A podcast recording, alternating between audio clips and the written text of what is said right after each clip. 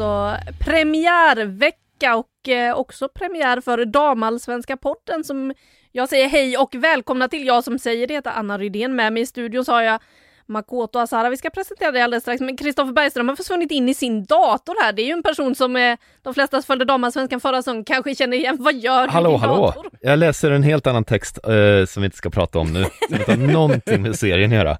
Jag ska vara med er istället. Jag, jag lägger ner datorn. Ja, Hallå, hallå, kul att vara här. Härligt! Och eh, som sagt Makoto Asahara med här eh, också. Välkommen in i den damallsvenska bevakningen. På riktigt, du fick ju vara med lite på ett hörn förra året men Ja, jag var, jag var lite och petade på den ibland där, Ja. men eh, prickade ganska rätt ändå. Var väl på plats på Rosengårds 7-1-överkörning över Linköping, en av de mest minnesvärda matcherna från förra säsongen kanske. Bland annat och även fick se de tråkiga scener när Umeå fick lämna serien. Tyvärr får vi inte prata om dem särskilt mycket den här säsongen. Eh, många spelare därifrån dock som vi säkert kommer få anledning att lyfta, men nu kommer jag ju se det som mer och mer minnesvärda ögonblick väntar väl under det här 2021 än 2020. ja, det kan vi väl hoppas. Kristoffer, det är andra året du jobbar så här tajt med serien ändå i och med att vi faktiskt sänder det här på Sportbladet Play också. Vad ser du fram emot med den här serien det här året? Känner du dig varm i kläderna? Ja, ja, men den här serien börjar ju alltid om lite. Det är som, som, som tavelsudd som kommer på vintern där. Alltså, folk har rätt korta kontrakt i damallsvenskan. Det kastas om rätt mycket.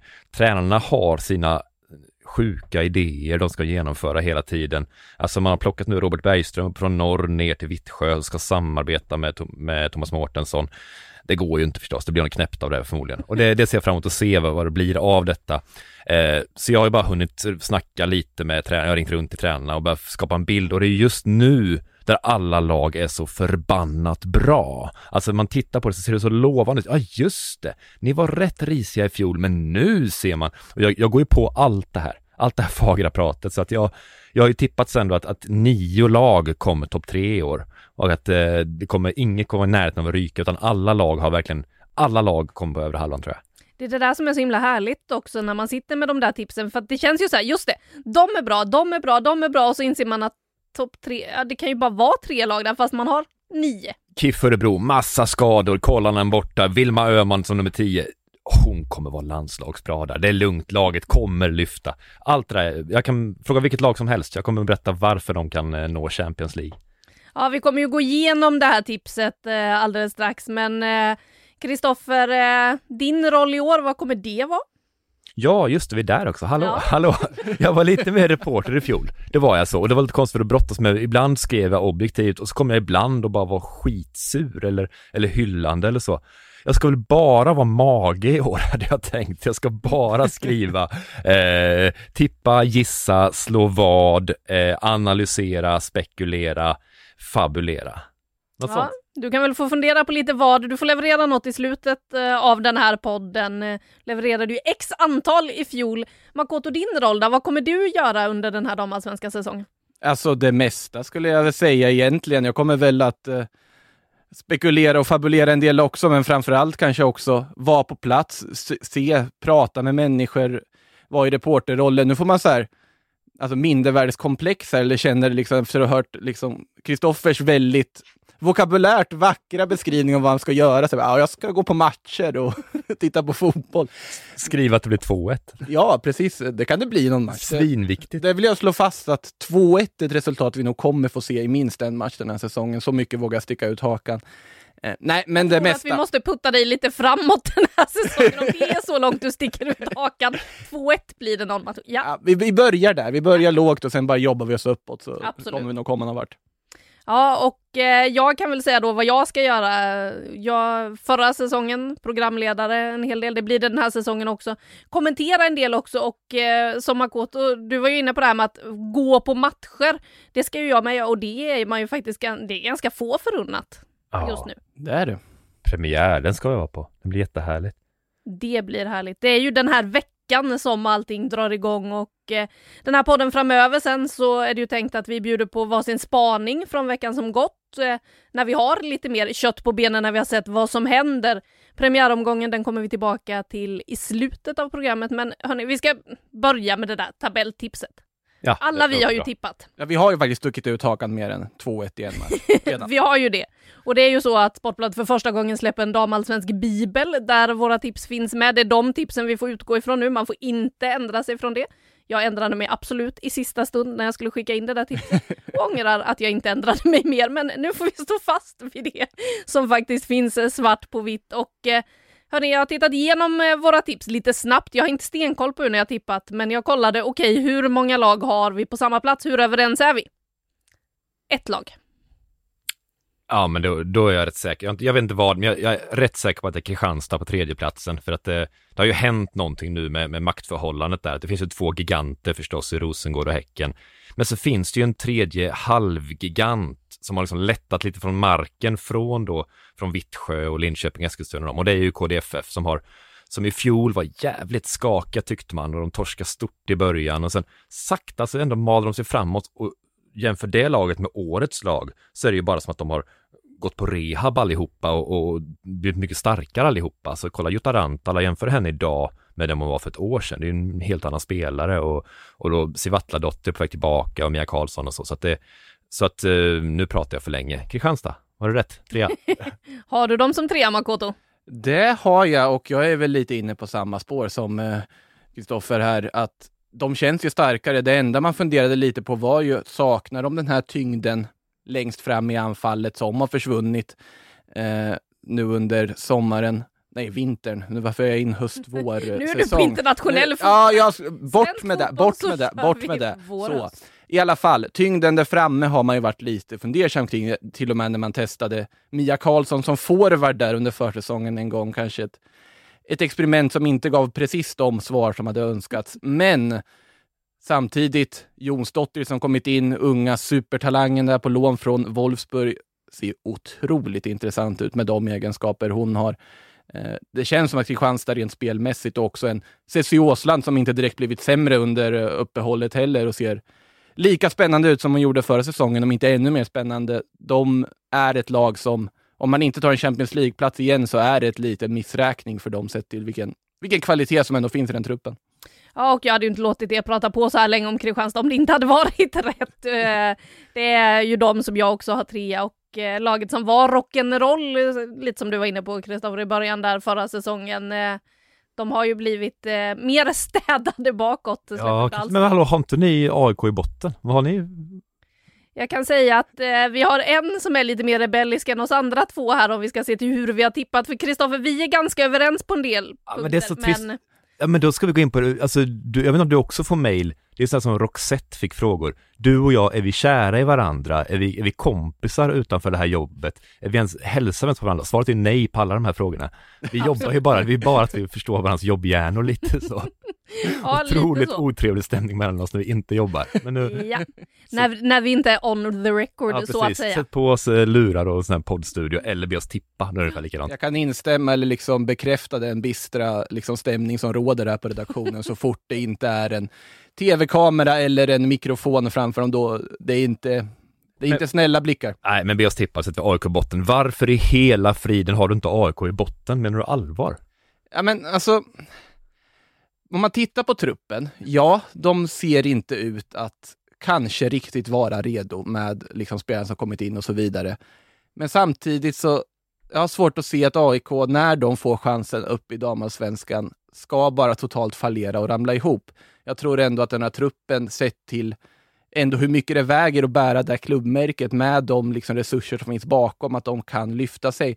Sen finns det spelare i den truppen som vi inte riktigt kan bedöma än vilken nivå de håller. Jag tänker en spelare som eh, min landsmaninna Honoka Hayashi som är en japansk landslagsspelare. Vi vet vilken nivå det japanska landslaget håller. Om hon börjar hitta rätt i den klubben och kan styra det mittfältet, det kan räcka långt i sig.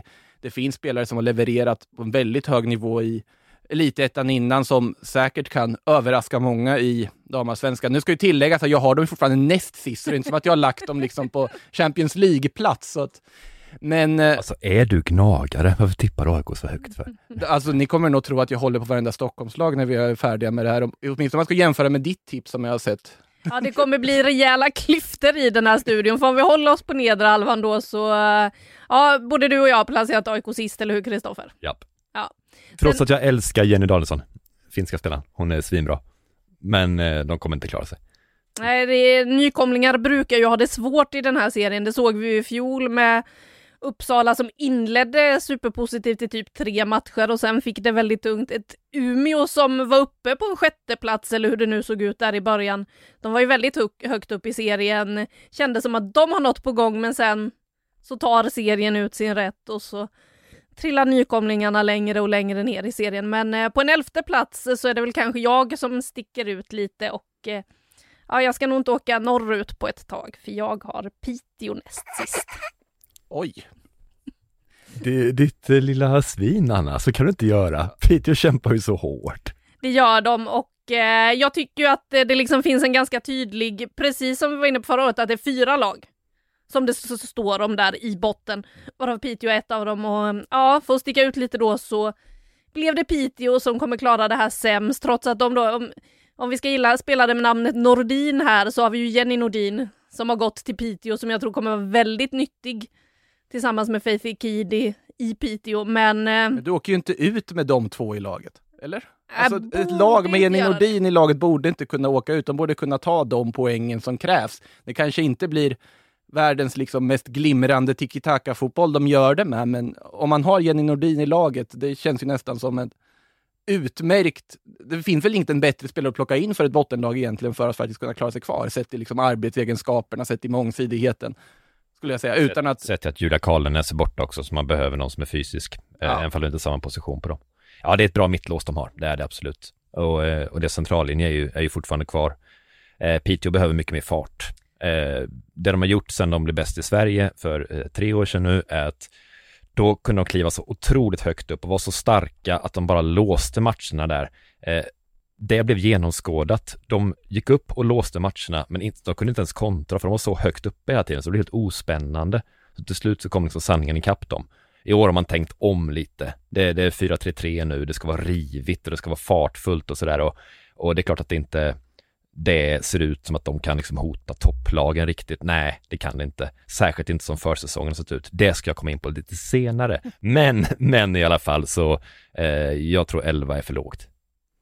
Du tror det? Ja, jag kallar mm. det svin för det var otroligt elakt. Ja, men även nu när alltså mikrofonerna är igång konstigt, kommer det här fram. Mm -hmm, ja. mm -hmm. Men jag tror att eh, om inte Piteå får en bra start att det kan sätta sig lite spöken med hur det var förra säsongen, att det inte klaffade, att man har varit så bra som eh, man var för bara några år sedan när man vann det där SM-guldet. Eh, jag tror att det kan bli mentalt tufft. Eh, sen eh, så tror jag att det kommer bli en väldigt spännande bottenstrid det här att eh, följa och eh, ett lag som eh, jag misstänker att ni har i botten då, min eh, tia i tabelltipset, eh, Växjö.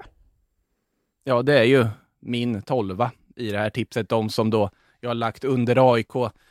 Och eh, med all respekt till Växjö som stad, till Växjö som organisation, till Växjö som allt möjligt. Det finns mycket spännande att hitta där också. Men det här är lite inne som, som Kroko var inne på tidigare här, att det, det är så svårt när du har så många lag du vill placera högre upp. Du lägger in lagen, tänker ja, men de här, de här ska ju vara där, de här måste ju vara bra, de här ser spännande ut. Och så ligger Växjö kvar där, även när man har placerat in elva lag. Det var lite så för min del och på den anledningen så hamnar de där. Nu tror inte jag att Växjö kommer bli en slagpåse, likt vi har sett vissa andra tabelljumbos genom åren bli, men jag tror att det är de som kommer att få tyvärr åka ur då. Och det säger jag tyvärr oavsett vilket lag, för det känns som att vi ändå har tolv högst intressanta lag med i den här serien. Krogo, jag sa att jag trodde att du hade lagt dem här i botten, men jag kom på att du har väl kanske dem till och med högre än vad jag har dem, eller? Ja, alltså jag, jag gillar ju Växjö. Ja. Jag, jag ville ju liksom sätta dem som fyra typ. Alltså de kom ju sexa i fjol. Att de skulle göra en bättre säsong än i fjol, ja. ja. ja. Eh, och, och, efter fjol hade de superrisig ekonomi, de hade konstig trupp och allting sådär och de kom ändå sexa. Det, det är en sån bedrift vi liksom inte pratar om riktigt för det var, det bara missade, alltså man såg liksom inte dem på något sätt, att de bara på hösten bara gick bättre och bättre. Och nu har Maria Nilsson som har huvudansvar fortfarande och nu hon fortsätter ju rejäl fyrbackslinje som stångas med allt. Framförallt har de tempot från övre divisionen. Det är vi det är så himla lätt att överskatta lag som kommer från elitettan som är lite spännande och fartfulla. Eh, igen, lätt att använda Umeå som exempel, men det var ändå ett färdigt storlag som gick upp där och hade spelare som hade spelat i, i VM och sånt där och ändå höll inte det. Växjö har en högre grundnivå än så. Jag tror absolut att de eh, inte direkt kommer vara nära att åka ur. Det är bara botten, sista lag som åker ur i år. Och det kommer inte Växjö göra. Jag tror att de är klart mycket bättre än så.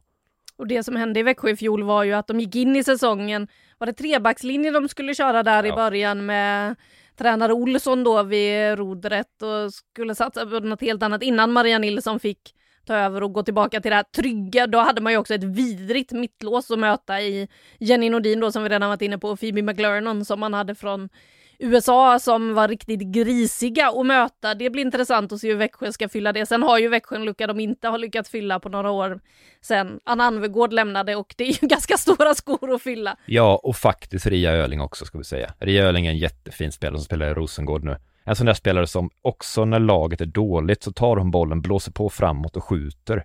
Ganska svaga skott ibland, men det fortfarande kommer hela tiden lite avslut från henne och det, den typen av spelare är ganska förtjust i, den här målinriktade spelaren som, som, bara, som bara blåser på hela tiden. Och hon är borta och det, det är väl lite svårt att se hur man ska ersätta just henne då, men, men fortfarande så, Signalt Andersen är ju en toppspelare på alla vis och Emmy Allanen på mitten är ju ja, hjärtat i det här laget. Då.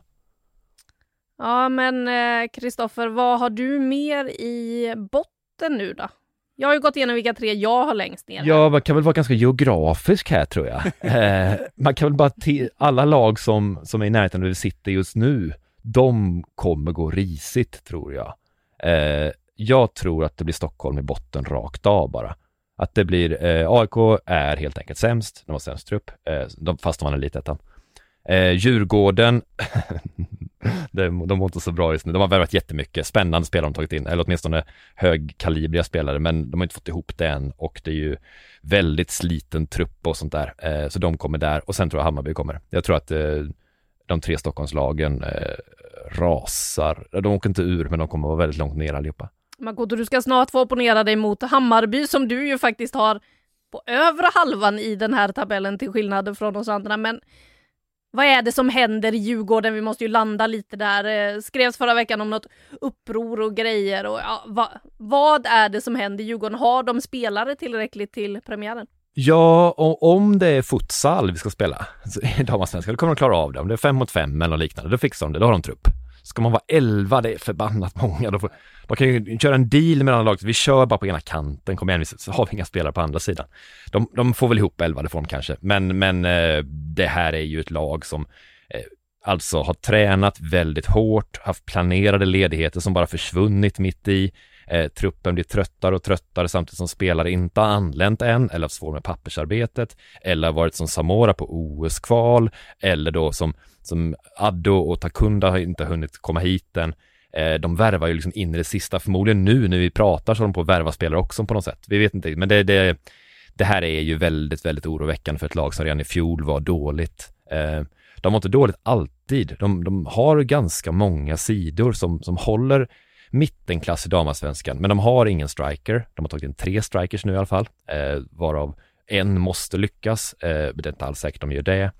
Eh, de, de, har en backlinje de har väl ett mittfält också som håller möjligen, men eh, de har ganska svag målvakt i år också, så att det, det, här, det här ser inte bra ut. De har också tappat Olivia Skog. Mm. Det är ju en aspekt som är väldigt tung såklart. Sen känns det nästan som att man har man har värvat in väldigt mycket för att ersätta just Olivia Skog på alla sätt och vis. Med eh, Takunda ska tilläggas, hon anländer väl i lördags till och med nu, men vi får se när hon är spelklar också. Ado fortfarande väntar väl på att komma in och sen Samora som ska återansluta eh, efter landslags... Malin Diaz är gravid, grattis, grattis. Men grattis. vissa säsongen också. Eh, också som spelare som gör för lite poäng, men åtminstone är nyttig offensivt sådär. Eh, hur ska det här bli anfall? De har tränat väldigt mycket på att flytta in mycket folk i boxen, att lyckas med det här, men, men det är en sak att säga det det är en sak att göra det när man har sex man på träningen liksom sådär. Det, det här är, mm, det är mycket kvar att bevisa och om det stämmer så som jag hör, jag har väl ganska stora öron, så är de här som vi har skrivit om att eh, spelare är besvikna, ledigheter försvinner, att det är väldigt få som tränar, eh, att man är besviken på sin egen tränare Pierre Fondin det verkar inte ha tagits riktigt rätt, om jag har förstått saken rätt. Det har inte tagits som att okej, okay, då ska vi sitta ner och medla fred mellan tränare och spelargrupp, utan snarare hur har Sportbladet fått tag på den här informationen? Kan det vara rent av någon i truppen eller i laget som har läckt det här eller vad är det frågan om egentligen? Och när ett lag är så agerar man inte i det här läget skulle jag säga med en vecka till premiär. Jag, jag hoppas jag har fel i grund och botten, ett sympatiskt fotbollslag, men så som det just nu med, med bara dagar till premiären så ser det ju inte riktigt bra ut. Men det, det, är väl här jag kommer in på det här med liksom storklubbsmentalitet igen, för jag är väl egentligen din motsats när det kommer till tankarna om Stockholmslagen. Tippar inte AIK som jumbo, tippar att Djurgården klarar sig kvar någorlunda och att Hammarby tar över halvan. Och där känner jag väl att Djurgården, ja det kan nog se ganska illa ut till en början. Den känslan får man. Men jag tror att en klubb som Djurgården kommer inte tillåta att det kommer att fortsätta liksom den här nedåtgående spiralen, att de på något sätt ändå kommer att lösa det. Det är väl min magkänsla och när jag tippar tabeller så gör jag det väldigt ofta med just magkänsla för att om man ska tippa med logik så kommer man bara få fel. Det vet vi alla som följer all form av sport.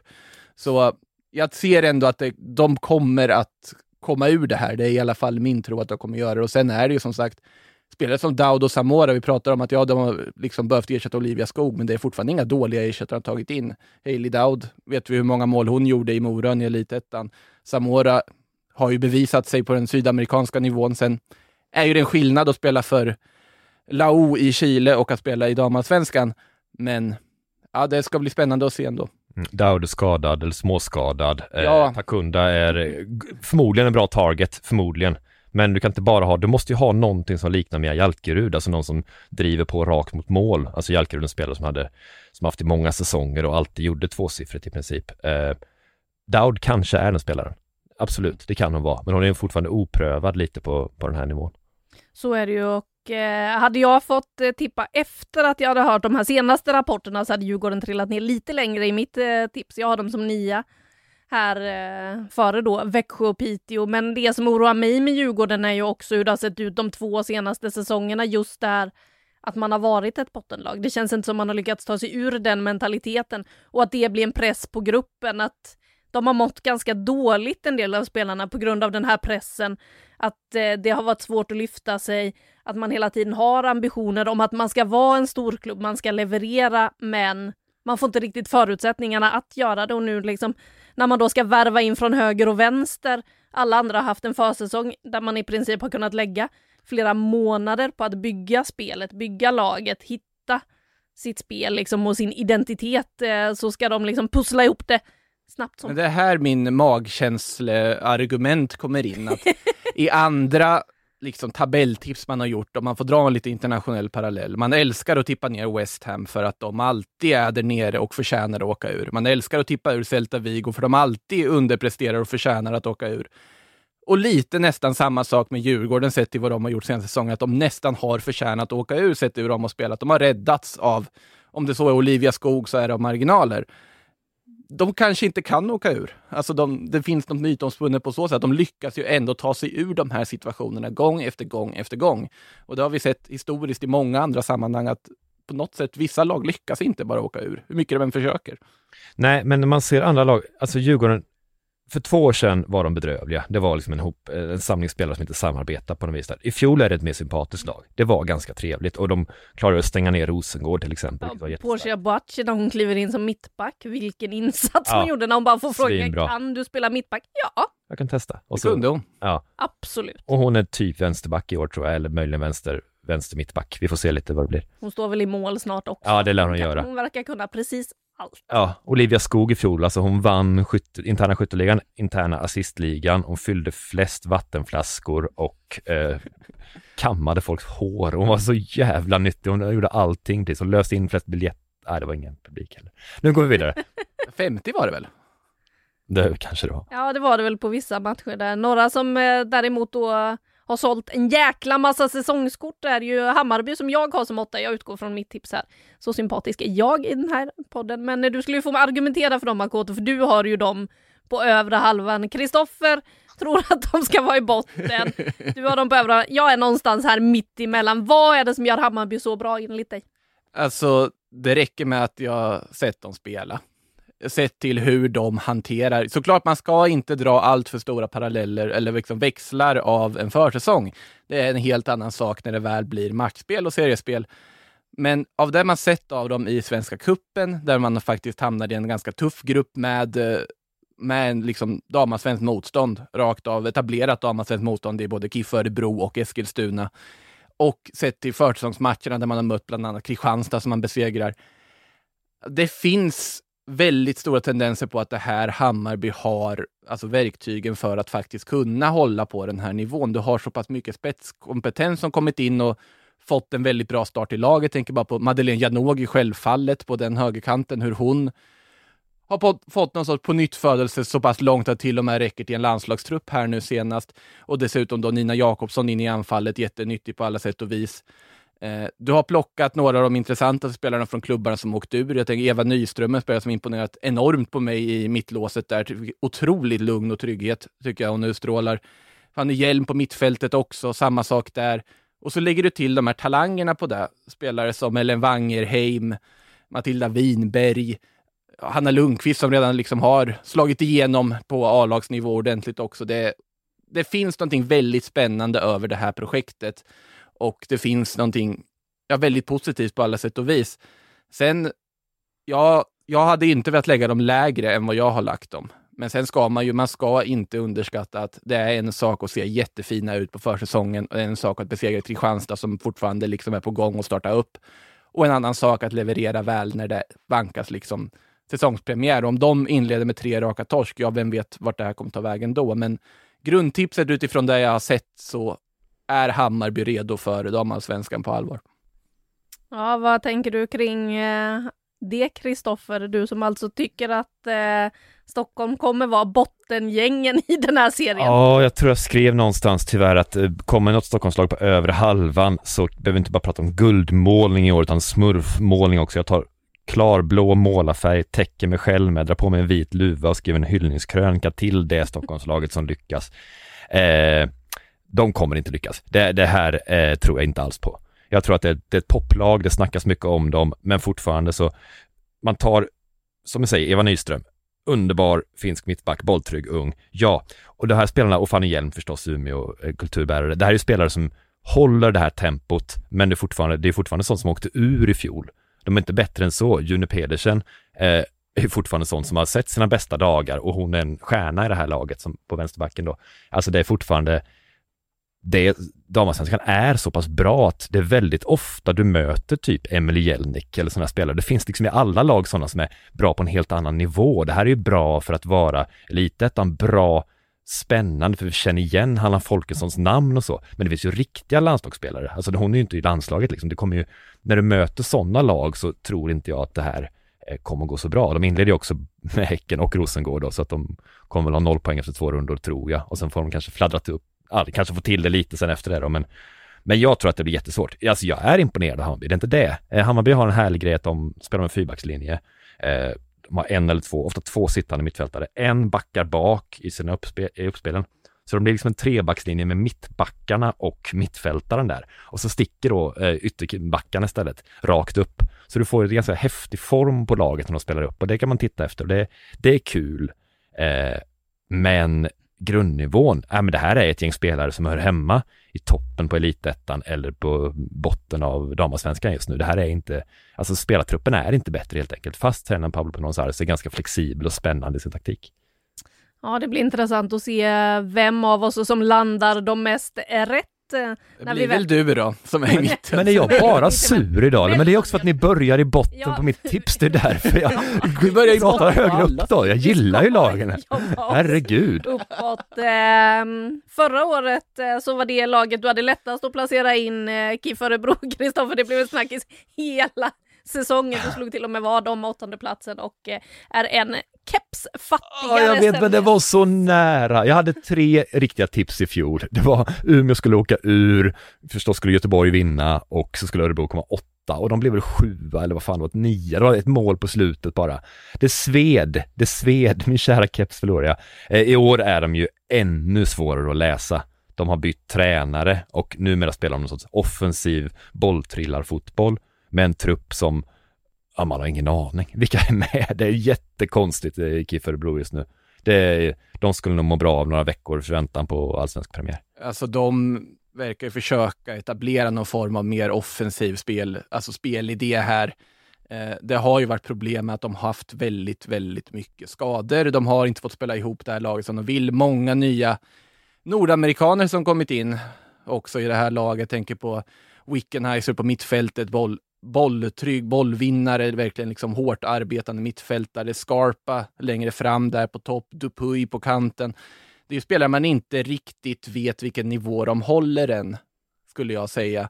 Alla har ju visat fina intentioner och så vidare, men de måste ju fortfarande bli på något sätt samspelt. Och sen är det ju Karin Lundins målsinne som kommer bli minst lika viktigt den här säsongen också. Och sen Hellström dessutom, som man inte har sett så mycket av heller, som är iväg på kanadensiskt landslagsuppehåll nu. Um, det finns ju potential, absolut, men det känns som att ja, kommer de hinna få ihop det? Kommer eh, Rickard Johansson från Sylvia hinna liksom implementera sina tankar som han har när han har tagit över det här laget? Om man tittar på just Sylvia så var det ju verkligen ett väldigt spelande lag, ett lag som liksom formats av då, ja vad ska man säga, de är ju typ farmarklubb till IFK Norrköping idag och de har ju formats av den mentaliteten att det ska liksom, det ska se vackert ut, det ska vara mycket passningar, det ska vara mycket rörelse.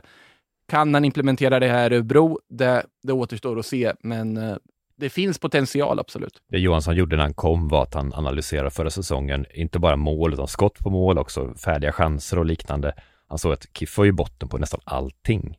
Eh, det hade gått ganska bra sett till hur mycket de hade skapat egentligen sådär. Och det vill han ju vrida på då att nej, vi måste ligga mycket högre på alla de här staplarna. Då kommer fler poäng också trilla in.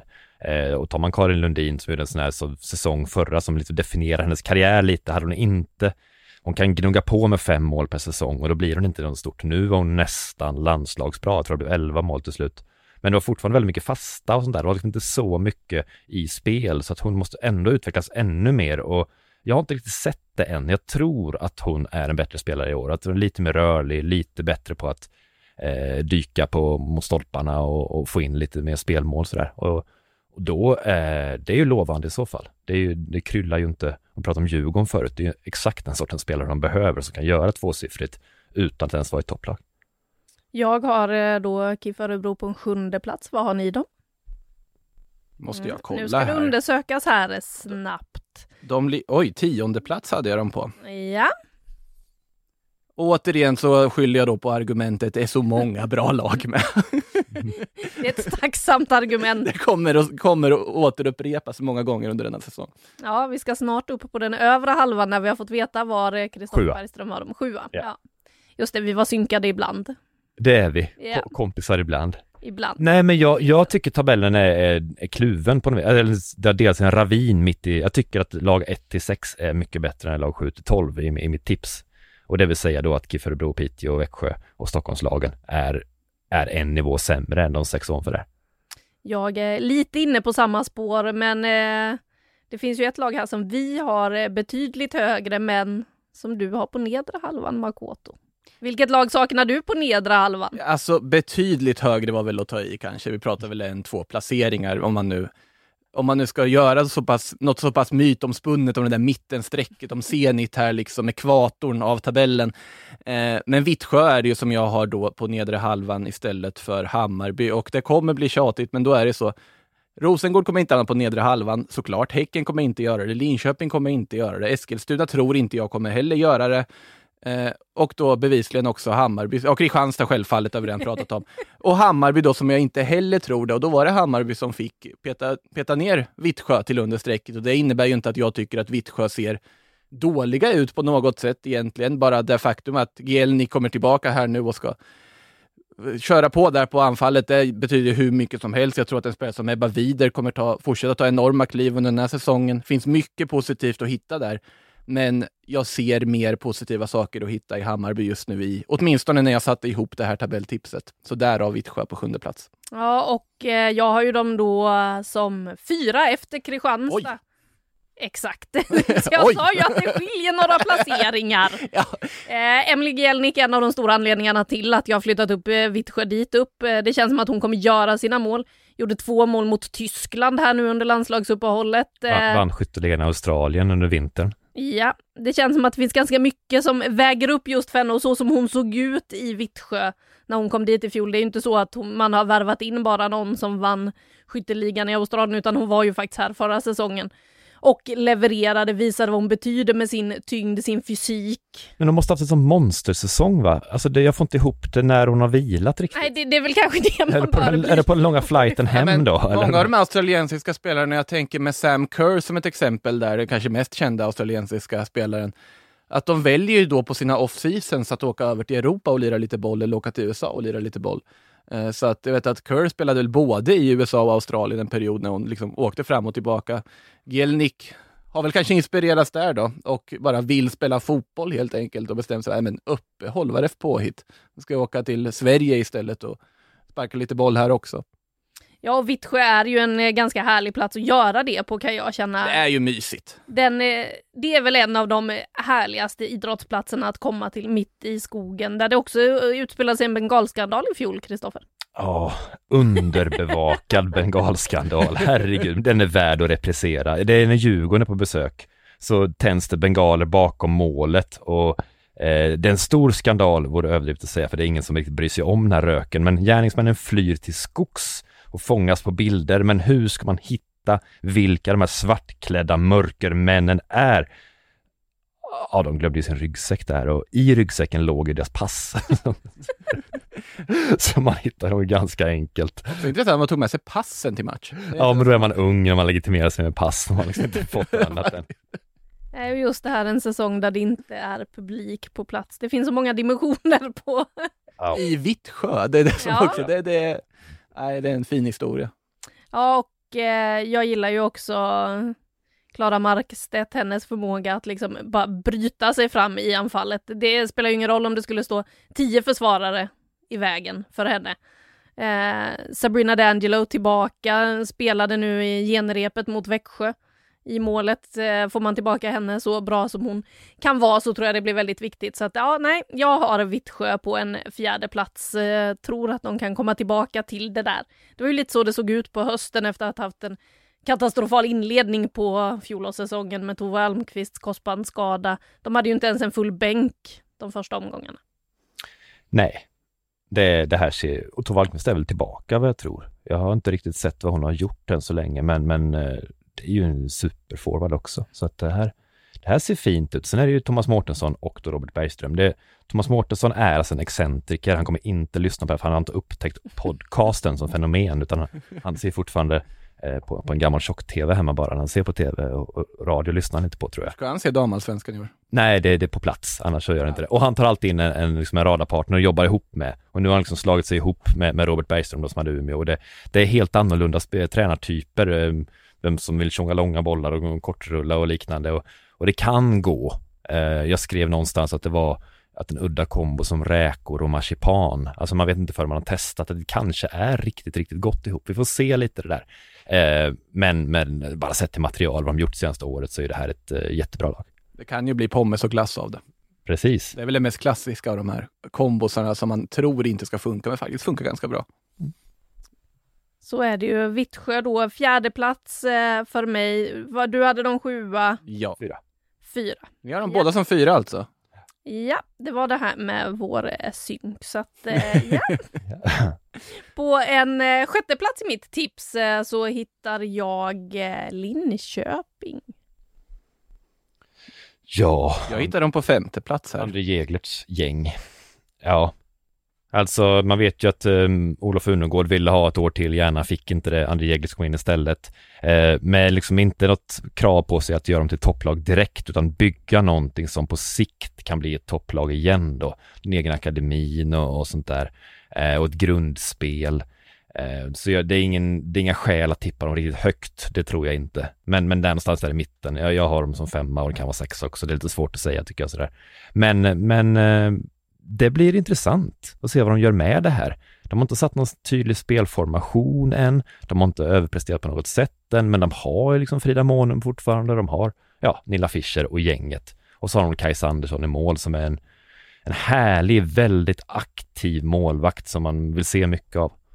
Ja, det kommer vi säkert få den här säsongen. Jag tror ju att Linköping på sikt kan bli väldigt spännande med just Jeglet som tränare, att han kan bygga upp något spännande med det här eh, gänget och det ska bli kul att få se. De värvade ju in eh, spelare som gick bra i klubbar som åkte ut också, som Cornelia Capox och Therese Simonsson.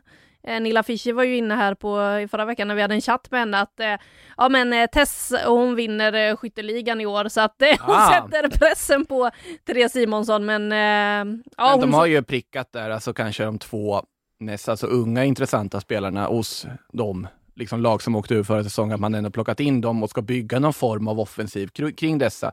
Så det är ju en ombyggnationsprocess de är inne i och sen får man ju se hur långt den har kommit. Och sen också med eh, André och eh, Malin Levenstad som kommit in där i tränarstaben också, det är ju vinnarmentalitet de plockat in. Det är folk som är vana vid att ta titlar, folk som är förväntar sig segrar.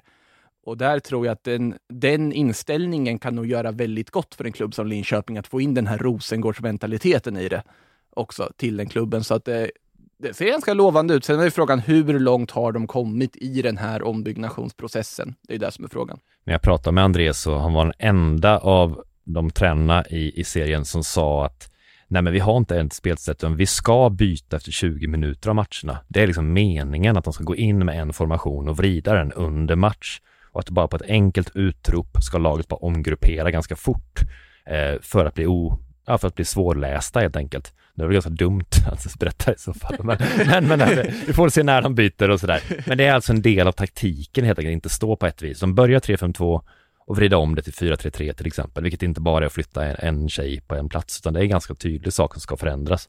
Så det krävs ganska mångsidiga spelare också, eh, vilket då de Ja, jag vet inte om de klarar av det hittills här. De, de skarvarna mellan det ena och det andra spelsättet under en match, jag undrar om inte de kommer märkas. Jag fick ju en bild av den här gamla reklamen när man ser liksom spelare som går ihop i ett sexpack på planen och liksom flyttar bollen där, att de på liksom signal bara klumpas precis. ihop i mitten och sen bara. Men jag gissar på att det finns lite mer tanke bakom det än där kanske. det gör det hoppas det i alla fall. Eh, I nästa lag som jag har på min femte plats då, det har ju uppenbarligen inte ni eftersom ni hade Linköping just det där, men eh, där tycker jag vi hittar eh, spännande nyförvärv den här säsongen. Två gånger Emma. Emma Holmgren och Emma Östlund och jag befinner mig såklart i Eskilstuna. Ja, Holmgren är ju en av seriens absolut bästa målvakter och varit det ett tag. Eh, Uppsala hade väl varit ännu mer körda om de hade gått och var ännu mer körda än vad Uppsala var förra säsongen om inte Emma Holmgren hade stått i det där målet. Eh, det är helt bisarrt egentligen hur mycket hon räddade och hur mycket hon ändå höll kvar Uppsala i matcher de ändå inte lyckades vinna. Eh, fantastisk målvakt och det är ju otroligt välförtjänt att de fick landslagskallelsen här nu när Hedvig Lindahl var indisponibel. Eh, så att eh, där har man gjort en supervärvning.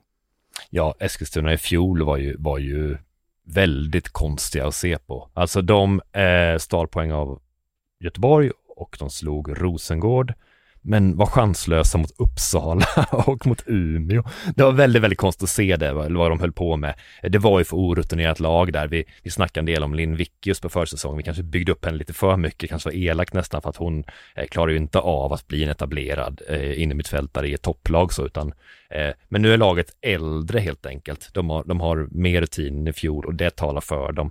Eh, och sen är ju då Rogic och, och eh, Kulashi kvar då, de som leder anfallet på sätt och vis. Eh, vi får väl se vad som händer om de drar någon gång. Det verkar inte riktigt som det. Det är alltid snack om att de ska flytta, men de, de hänger i. Det känns ju som att de har liksom saker ogjorda efter förra säsongen. För mig, liksom Eskilstuna var väl det lag som underpresterade absolut mest sett till alltså kvalitet på truppen och vad de egentligen skulle kunna göra och vart de egentligen borde ligga. Jag tror ju att de på ren revanschlusta och på den kvalitet de har i truppen ändå kommer att vara med och slåss om de där Champions League-platserna där uppe. Och eh, de har ju otroligt spännande just i offensiven där inte bara Kulashi och Rogic utan även Kajsa Collin, Fanny Andersson som ju skulle behöva ta en lite mer defensiv roll delar i fjol för att det inte skulle bli full fart framåt, att lagdelarna skulle spricka så att det blev ett hav mellan. Eh, det, får man ihop det så kan det ju räcka väldigt, väldigt långt. Men ja, de hade stora problem i fjol. Det blir intressant att se hur de hantera det i år. Ja, eh, och, Ajinde, Aginde, Halimato Aginde, är hon tillbaka? Hon har inte spelat så mycket, hon har varit skadad, jag tror det är en fot som har strulat för henne och hon är en sån här härlig bollvinnartyp som de behöver verkligen ha där. Man ser henne inte jättemycket på en match, men hon är väldigt viktig för laget. Ehm, om hon är trasig för länge, då det är inte bra för den ganska tunna truppen de har. Eh, Felicia Saving har kommit också som är väldigt bra, hon har varit bra på försäsongen, väldigt så järv, liksom kastat sig in i allting sånt där. Men i längden behöver du Aginde, så, så är det. Så är det och eh, trean då i tipset eh, har vi ju redan gått igenom allas vårat Kristianstad, där är det enda vi är överens om. Vi är alltså inte överens topp två. Nej, det är vi ju inte. And och... I'm the odd one out. Mm -hmm. Berätta nu Anna Rydén. Ja. Hur kan du tro att Häcken ska ta och vinna det här? Jag eh, tror att Häcken vinner det här för att eh, framförallt deras offensiva kraft, deras mittfält eh, som är fantastiskt. De har Jennifer Falk i mål som jag tycker växer flera meter typ varje gång man tittar på henne i, det, det liksom i hennes spel.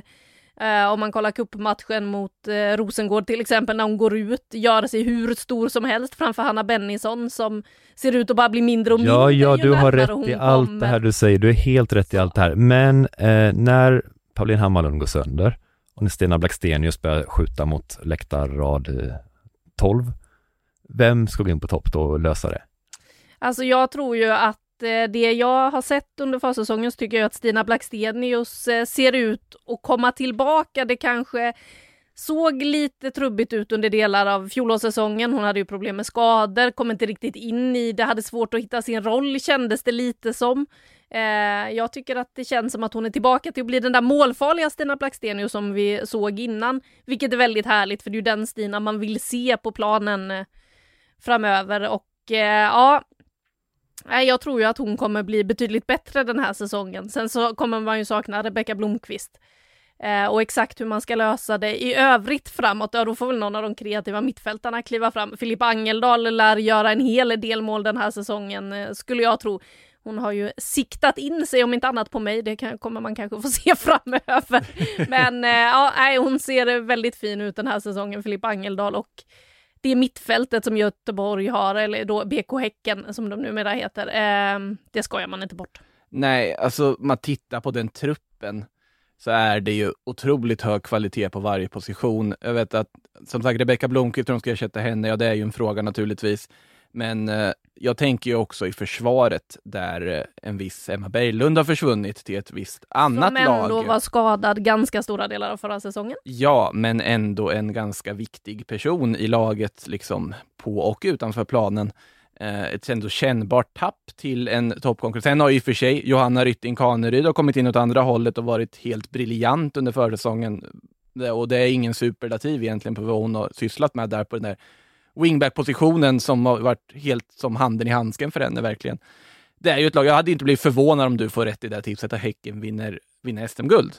Men samtidigt så, med tanke på det också som sitter nere i Skåne, med den truppen de har och det, hur de har förstärkt den truppen i Rosengård, så väger ändå Rosengård li, lite tyngre för mig. Ja, och jag ska ju ställa motfrågan då till er. Vad gör ni nu när Anna Anvegård har varit skadad i princip hela försäsongen? Dras med sviten av en hjärnskakning. Mimmi Larsson har haft lite trubbel framåt. Nathalie Björn, muskelskada. Ja. Skillnaden över Rosengård i år och i fjol, det finns flera skillnader. En är att de har haft mental coach i år. Det hade, I fjol alltså var ju Eidevall väldigt mycket på, alltså tränaren var på sjukhus en hel del. Det är ingen hemlighet. Han hade lite problem eh, i familjen, eh, sådär. Eh, han, och han saknades där och laget hade inte den mentala stabiliteten. De, liksom, de jobbade liksom inte, de krisbearbetade ingenting där. Så när det väl föll, då hade de ingenting att sätta emot och det ser man ju också den hösten. När det väl går ut för då finns liksom ingen andra våg, ingen reaktion på de svaga resultaten. I år har de varit mycket stabila och jobbat med det. Och en annan sak är ju just hur truppen är uppbyggd, att varje spelare har en backup kan man säga. Eller åtminstone det finns tre spelare som hugger på två positioner hela tiden. Förut var det liksom lite, vad, vad hände med Rytting Kaneryd i fjol? Vart var hon i hackordningen exakt? Det var väldigt svårt att säga det. Nu är det väldigt tydligt hur laget, eh, hur de är formerade så. Så det är en mycket smartare trupp. Och i efterhand ser faktiskt fjolårs Rosengård, alltså lite klantigt byggt ut. Jag förstår att man får ta de storspelare man fick tag på, jag förstår det, men ser inte riktigt när man liksom tittar på det och har facit i hand så ser det ganska logiskt ut. Och i fjol gick mitt tips ut på att ja, Rosengård kan ha högre tappar än Häcken i Göteborg. Eh, det, det, det, är svårt att säga riktigt sådär, men i längden så är det väldigt ofta man möter typ Eskilstuna borta, Vittsjö, Piteå borta. Alltså den här lunken är, det finns väldigt många lag där i mitten som är väldigt bra och jag tror inte Rosengård skulle klara av det, gjorde de inte heller. I år är nästan en spegelbild av det i mitt tips. Jag tror att Rosengård har en maskinell förmåga i år att vinna matcher, många matcher. Jag tror att Häcken kommer vinna, det är de som kommer göra de här 9-0 i år kanske och kanske vinna en seriefinal också. Men jag tror också att de, de har tunt på backsidan, Eh, deras yttrar har de inte alls samma fysfenomen som i fjol eh, när Roddar är borta och Kuka är borta och, och sådär. Och eh, anfallen saknar en riktigt bra anfallare till. Eh, de kan skicka upp lite folk, absolut. Z kan gå upp dit och de kan skicka upp, eh, ja som vi sa, det kan man hela Rysin Karin kan spela där också. Men jag tror att skillnaden är där liksom att ett serielunken, jag, jag är inte säker på att Rosengård vinner eh, internmatchen mot Häcken på två matcher. Men jag tror verkligen att de här mittenmatcherna tror jag att Rosengård har lite mer marginal i. Och det är lite troligt att de bör rada upp två nollare som, som, som Kopparbergs gjorde i fjol. Vi ska alltså tillägga att nu var det i och för sig på grund av Uefa-regler, men Rosengård har alltså en trupp som är så pass bred att Ria Öling inte ens fick plats och registreras till den truppen som de tog ut åt Champions League. Nu hade de ju varit registrerade om de hade fått ta in fler än tre nyförvärv, absolut. Ja, och om det inte hade varit så att till exempel målvakten försvann så att man måste kanske jo, registrera en målvakt Men, men lik, likväl att de har ändå tagit in så pass mycket kvalitet att det ändå blir så pass märkbart att det här blir ett problem. Jag tycker om man tittar, den truppen, jag är ju lite inne på för en gångs skull inne på Kristoffers spår i studion här. Det är lite trist. Ja. Eh, men att alltså Rosengårds normaltillstånd är att segra. Och när de inte får göra det så det, har de väldigt svårt, eller hade väldigt svårt att då hitta någon liksom mot, botemedel mot det. För de är inte vana vid att vara i ett jagande läge, för de är vana vid att vara den jagade. Nu har de fått bygga på den liksom, mentaliteten ganska mycket här under försäsongen när de på ensamt maner har burit den svenska fanan i Champions League och spelat mot liksom, toppmotstånd. De har fått ha en väldigt matchrik försäsong med väldigt mycket bra motstånd i matcher de verkligen måste gå in och leverera i. De är ju liksom redan igång. Och om de bara kan liksom rulla på det spåret med de nyförvärv och den trupp de har, så tror jag att det kan bli väldigt bra. Och de tror inte jag kan liksom tillåta sig själva, sett till sin självbild, att ännu en gång få titta på BK Häcken som firar guld. Att det, jag tror att de kommer att ta tillbaka. Det finns väldigt mycket likheter och inte bara geo, alltså, geografimässigt då, med liksom Rosengårds-mentaliteten och sen Malmö FF-mentaliteten på här sidan att vinst eller inget och man tänker snarare att det är bra för svensk fotboll att de vinner serien om man har den inställningen själva. Liksom. En spännande sak med Rosengård är att de bytte spelformation. De körde ju mycket med vingbackar också, alltså 3-5-2 som, mm. som många lag gjorde i fjol. Det går en trend i serien att många spelar 4-3-3 år istället. Och skillnaden, berättar Jonas Eidevall mycket pedagogiskt, det handlar lite om vilka situationer en ytter kommer i. Eh, du måste vara teknisk som ytter i 352. Du kan inte bara löpa, för du, har liksom, du kan inte överlappa på samma vis. Eh, och har man då Jessica Samuelsson som heter Vik numera, som är en strålande ytterback och väldigt, väldigt löpstark, så räcker inte det 352. Det räcker i många matcher, men det räcker inte alltid. Det räcker inte mot Djurgården borta. Alltså helt enkelt, gör du inte din spelare på samma vis där, så i en mot en situationer så blir du låst. Då blir det bara en rak linje med fem spelare som inte gör så mycket nytta. Spelar du 4-3-3 till exempel, eller 4-4-2, då kan du eh, sätta två spelare mot en ytterback i motståndarlaget, alltså komma på överlapp. Traditionellt det som hette modern ytterback för tio år sedan kanske. Alltså då kan du komma och bara fylla på på ett annat vis. Då har du, det, det passar mycket bättre med den som med Katrin Veje också egentligen och, ja, och framförallt då med, med Vik. Så att eh, det är någonting som blir intressant att se hur det går och jag vet ju att det inte gick i kuppen mot Häcken. Nej, så var det. Det, det var ingen jättebra match i Rosengård. Men eh, mitt tips bygger ju som sagt inte på att de måste vinna en seriefinal utan att de på något sätt bara staplar treor. Att det är så de ska vinna guld. Ja, men det skiftet, liksom Svava mot Veje, är väl i sig skiftet från trebackslinje till en fyrbackslinje, om man säger så om man personifierar då det taktikskiftet. Så håller med att det ska bli spännande att se. Ja, och eh, jag dividerade länge kring vilket av de här lagen jag skulle sätta i topp, men eh, landade ändå på att jag känner att eh, Häcken eh, blir väldigt spännande att se och har mycket av det spännande från i fjol kvar, framförallt sitt eh, mittfält. Och jag har ju, ju tippat att Häcken ska ta en dubbel till och med. Det känns väl kanske lite skakigare efter att ha sett den här allsvenska premiären där de förlorade mot Ja, Halmstad. herre, eller menar kuppen? Nej. Nej, här, alltså att herrarna ska ta ett SM-guld och att damerna ska ta ett SM-guld. Årets Ehm. mest populistiska tips, herrallsvensk guld i Häcken. Ja, tillsammans då med eh, damerna. Det är damerna som ska bära upp det där, tänker jag. Det, det är ju ett rimligt tips. Ja, det, det känns rimligare än att jag tippade herrarna. Det gör det absolut. Eh, en sak till med Häcken, de har, ju- de har ju känna. en andra målvakt i år. I fjol så en hade de ju, hade ju typ ingen annan målvakt, det var ju jättespännande. Vad händer om och sen, ja. Mm. Men nu, nu har de Milou så hon är ju, det är ju kanon. Det är ju första målvakt egentligen. Hon är så bra. Speciellt när man känner att Jennifer Falk är så här modig och går ut och räddar med huvudet eh, nära när Hanna Bennison kommer och man hinner bli orolig kring okej, hur är det med huvudet på henne nu? Finns det en hjärnskakning eller något? Nu har man någon att byta in i så fall. Så är det, så är det. Så det är också faktiskt en styrka. Eh, men vi måste ju peka ut stora skillnader och stora drag och det är därför jag är så otroligt kritisk mot Häcken, detta lag. Det känns liksom som att de vi har varit mest kritiska mot hittills Ja. är Häcken och Rosengård. Ja, det, det är speciellt alltså. Nej, men också att Häcken spelar med trebackslinjen. Jag tror inte de kommer göra det. Eh, Det här är mer min egen feeling. Jag tror inte de kommer orka hålla i trebackslinje hela året, framförallt inte till, till hösten. Eh, för att det är så hård press på dem och de klarar av det i fjol, men jag tror inte de har tillräckligt bred.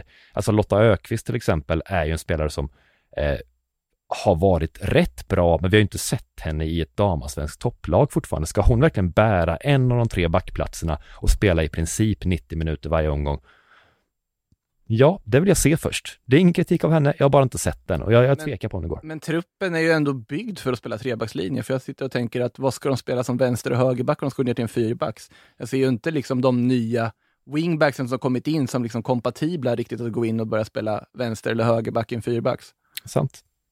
Nej, vi får se hur de löser det och Eh, vi ska snart eh, gå vidare till eh, premiäromgången och lite vad vi har att se fram emot där. Men Kristoffer, du har instiftat ett pris. Förra året instiftade vi ju en hel gala som vi givetvis kommer att hålla i även den här säsongen. Vi kommer att utse årets MVP och sådär, men vi kan väl räkna med att det i podden under säsongens gång också kommer dyka upp ett och annat pris. Vi börjar redan nu med ett pris som heter Hovmark Award. Mini Hovmark Award, döpt efter Djurgårdens eh, nyförvärv förra året, danska anfallaren som skulle komma och verkligen förändra allting eh, som lyckades gå sönder efter några minuters speltid bara och missade. Det var fruktansvärt tråkigt och hon är nog inte tillbaka förrän till sommaren.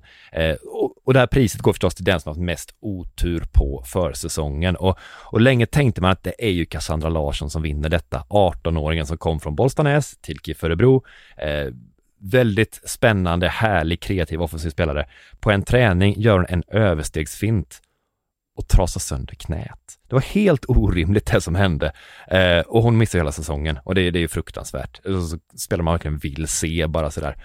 Men något pris får hon inte. Hon har otur där också för årets Hovmark Award går till hela föreningen Piteå IF som efter ett risigt fjolår skulle resa sig. De skulle träna som satan i sitt uppblåsbara fotbollstält, Norrstrands fotbollshall. Men så snöade det i Piteå på Hur det vintern. Hur kan det snöa i Piteå? Så det blev en reva i tältet. Det gick sönder, gick inte att använda. För att träna fick de bussa sig till Luleå. Det är sex mil norrut till en skitplan där spelare går sönder för det är så dålig plan. Snöade det där? Nej, tydligen inte. Det var väl, det var väl något sånt Hawaii-klimat där. Men, men, En liten bubbla där uppe de fick hela försäsongen störd av detta. Inte förstörd, men störd. Och det är så himla oturligt bara för laget. Så att eh, det är klart att de ska prisas för detta. Eh, gud, stackars krakar. Ja, första priset den här säsongen går alltså till Piteå och eh, det Hovmark Award som de tilldelas. Eh, med det så ska vi börja avrunda där och det gör vi med premiäromgången som vi har att se fram emot. Eh, Makoto, vad ser du fram emot med den här premiäromgången som kickar igång till helgen? Alltså det klichémässiga och helt uppenbara är ju att få se de här lagen live på plats. Ingjuta, ja, stäm, det blir ju inte någon publikstämning naturligtvis, men bara ingjuta känslan av livefotboll på så sätt. Det ser man ju oerhört mycket fram emot. Personligen så kommer jag få äran att besöka stadion för premiär med Djurgården. Det ska bli jättespännande att se hur de hanterar KIF Örebro efter allt som har varit under veckan här och under förberedelserna och se de här nyförvärven, kanske några av dem, de som har hunnit till Sverige om inte annat. Och sen därefter glödheta toppmöte, tidiga toppmöte Linköping-Rosengård på söndagen. Eh, vi minns ju de två matcherna som var förra säsongen, både den då eh, 7-1-krossen från Rosengård, men även också då det väldigt dramatiska och hetska mötet där på hösten där bland annat Caroline Seger och Petra Johansson inte var allra bästa vänner kanske efter slutsignalen. Eh, det mötet ska bli otroligt spännande att se. Det känns som att det kommer bli heta känslor även denna gång och se vad det här nykomponerade Linköping kan hitta på mot ett väldigt segervant Rosengård som säkerligen inte kommer att vara nöjda om inte de tar med alla poängen från Östergötland. Så att eh, ni hör själva, det är ju enormt mycket att se fram emot i helgen. Min kära kompis och expert Anna Rydén, vad ser du fram emot helgen? jag eh, ser fram emot eh, inte bara matcherna jag själv ska på i helgen utan eh, också just den här Linköping-Rosengård-hetsen som vi såg i det höstmötet. Det var ju när Rosengård var inne i sin tunga period när de inte vann när guldet rann dem ur händerna om man faktiskt ska titta på resultaten.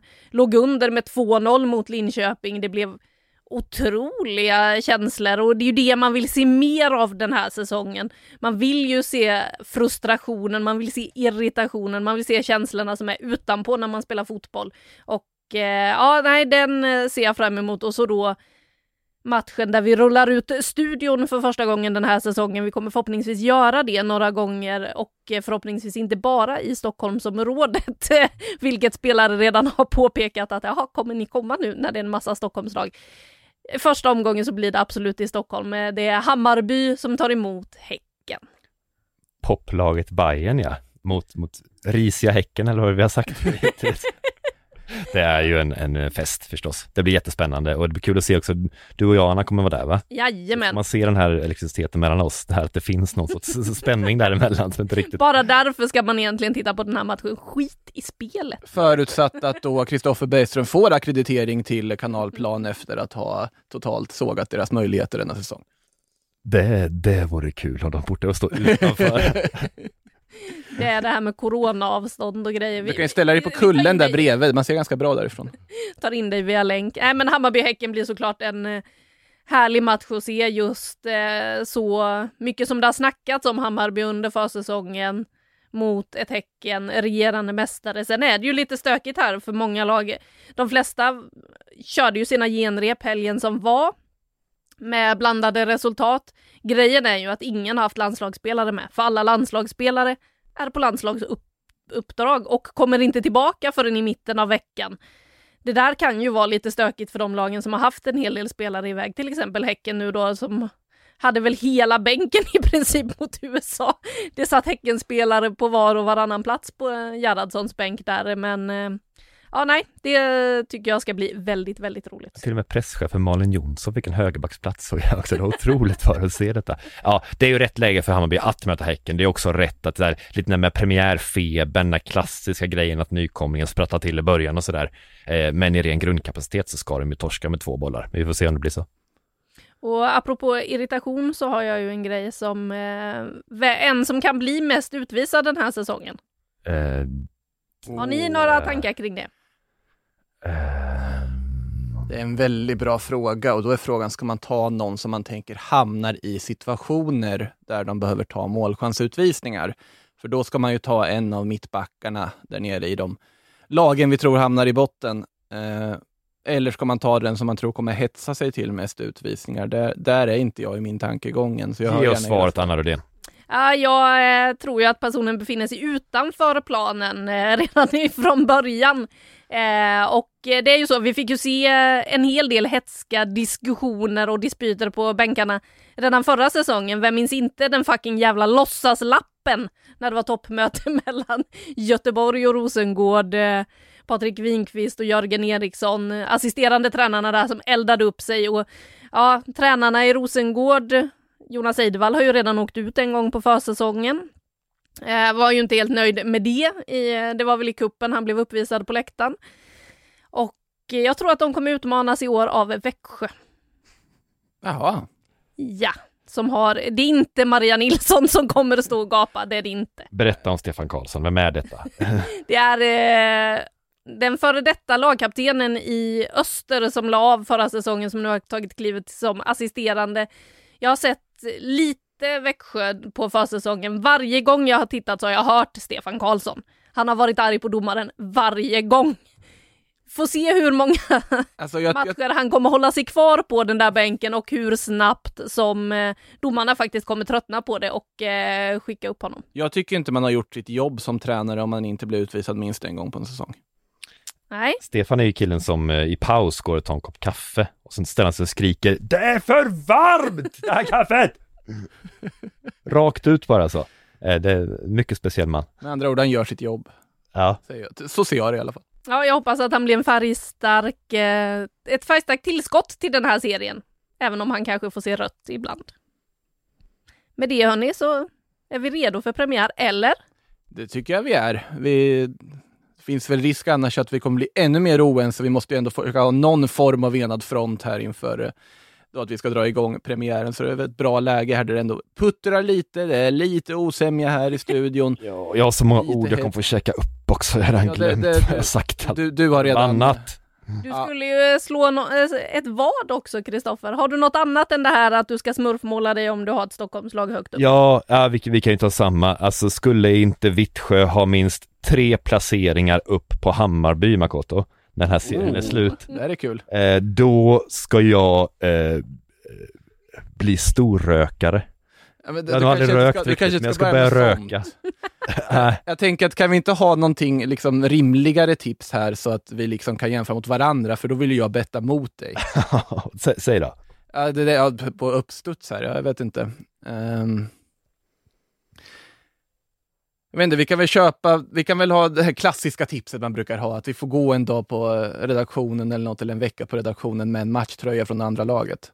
Så att jag får införskaffa mig en Vittsjö-tröja och gå runt på redaktionen och du får skaffa en Hammarby-tröja och gå runt på redaktionen, ifall det då skulle skita sig. Det är en deal.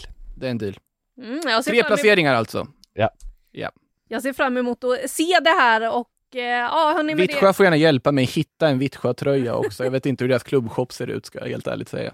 Jag tror inte det är några som helst problem att få assistans från Vittsjö när det gäller just den frågan faktiskt. Eh, hörni, med det så tar vi och säger tack och hej från det här premiäravsnittet. Vi är tillbaka nästa vecka med spaningar efter premiären. Och Eh, för er som vill se serien så sänds den ju exklusivt på Sportbladet Play. Där hittar ni alla matcher. Vi kommer också dyka upp på ett hörn där. Eh, har ni tröttnat på att lyssna på oss då, ja då får ni väl helt enkelt muta. Det hoppas jag att ni inte gör och att vi hörs igen nästa vecka. Vi ska väl lägga till också att eh, om det är några av spelarna här kanske, i, liksom, eller ledare i ligan, sitter och lyssnar på detta och undrar, ja, men vad är det den där Kristoffer Bergström, numera mösslöse Kristoffer Bergström, säger egentligen, eller den där Makoto, han, det, det är ingenting att lyssna på och vill argumentera mot eller komma med egna åsikter. Gäster är välkomna i programmet. Det är en väldigt öppen studio på så sätt. Och där får man alltså gärna tycka precis tvärt vad vi har sagt. Exakt.